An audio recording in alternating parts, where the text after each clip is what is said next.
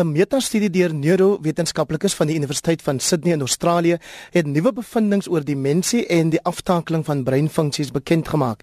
Vir meer hieroor praat ons nou met ons wetenskapkorrespondent George Klassen. Goeiemôre George. Goeiemôre Henry. Nou vertel asseblief vir ons wat het hierdie navorsing behels en veral wat 'n metastudie dan nou beteken? Wel die navorsing is gepubliseer in die American Journal of Psychiatry en dit het uh as 'n metastudie gaan kyk na die uh die meer as 20 jaar se moontlike studies waar daar 'n presiese wiskundige statistiese berekening gemaak word oor 'n spesifieke vraag. Nou metastudies plaas meer gewig op uh groter en meer afgebakende studies as en minder minder uh, hulle uh, weg minder waarde aan kleiner studies wat uh, nie behoorlik afgebaken is nie. So dit beteken 'n mens kan die die resultate van hierdie studie kan jy maar as die beste beskou. Ja, inderdaad, dit is baie meer betroubaar as 'n enkele studie. Uh want dit kyk na meer as 20 jaar se studies.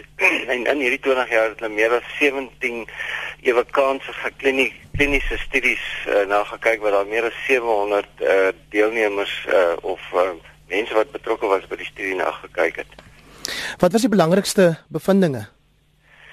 Wel in die eerste plek het hulle bevind dat as uh bejaarde mense wat die eerste tekens begin toon van uh agteruitgang uh byvoorbeeld uh, aanhoudende geheueverlies uh dinge nie kan onthou nie en hulle kan nie hulle daaglikse uh take meer behoorlik verrig nie en uh om dan te kon onderskei wat is die die demensie en hulle het spesifiek gevind dat uh deur behoorlike uh programme te ontwerp waardeur uh, hierdie bejaardes uh, rekenaarspeletjies speel uh, wat spesifiek hulle breinfunksies uh, ontwikkel en uh, lewendig hou dat dit baie goeie positiewe invloede uitoefen om te keer dat hulle oorgaan in dementiefase.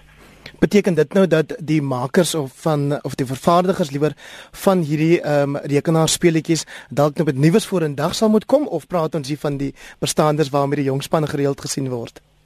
Wel, daar is al vorige studies wat bewys het dat die speletjies waarmee jong kinders speel, uh uh en daar's 'n geweldige mark as mens in enige video of uh, elektroniese winkel instap sien jy mens dit dat daardie bestaande uh, programme alreeds baie goed werk uh vir vir hierdie soort van goed.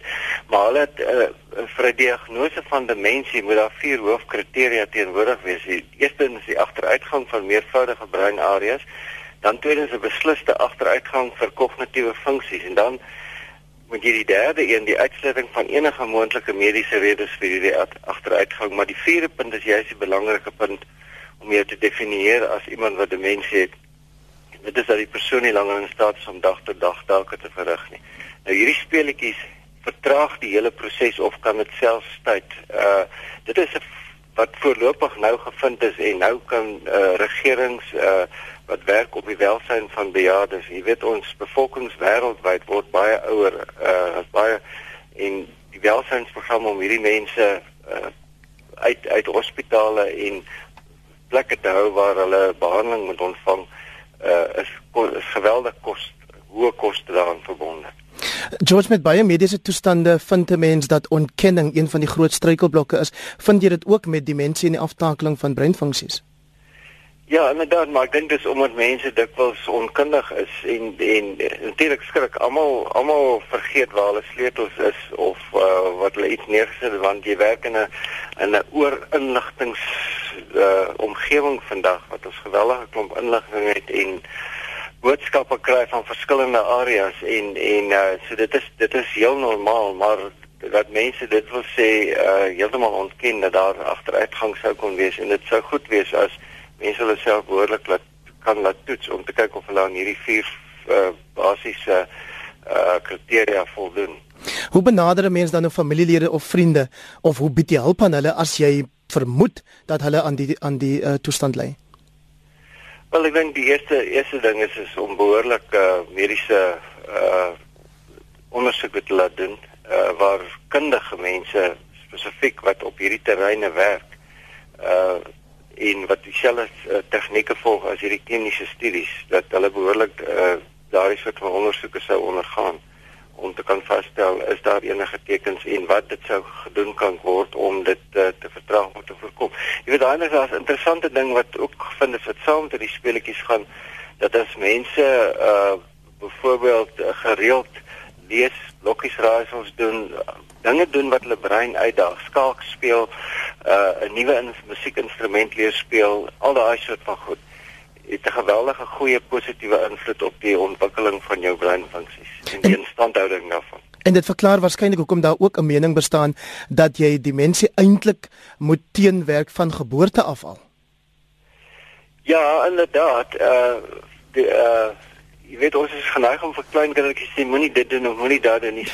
jy weet om al hulle kreatiwiteit te, te onderdruk en dan word nader aan die hele geestes ingestel vir die res van hulle lewe dat jy bevraagteken die dinge en jy doen nie jy pak nie nuwe take aan nie jy's te bang om enige uh, nuwe inisiatiewe uh dit dit ontlok en en uh, dit begin as reeds by kinders ja en en dit kan 'n hele lewens ingestel het nader aan raak. Nou sê vir ons laastens hoe hierdie uh, bevindinge van hierdie meders metastudie uh, wat dit vir ons beteken oor hoe ons ons oud word jare moet benader. Wel ek dink die die belangrike ding is dat mense bewus moet wees van uh van enige tekens en die tweede die tweede punt is dat hulle baie beslis uh dat daar die dinge is wat jy sou kon doen om hierdie soort van agteruitgang te kan voorkom. Natuurlik gesond lewe oefening is ook bewys as mense wat gereeld oefen, se breinfunksies is gewoonlik baie beter as as mense wat net uh, staties is en niks doen nie.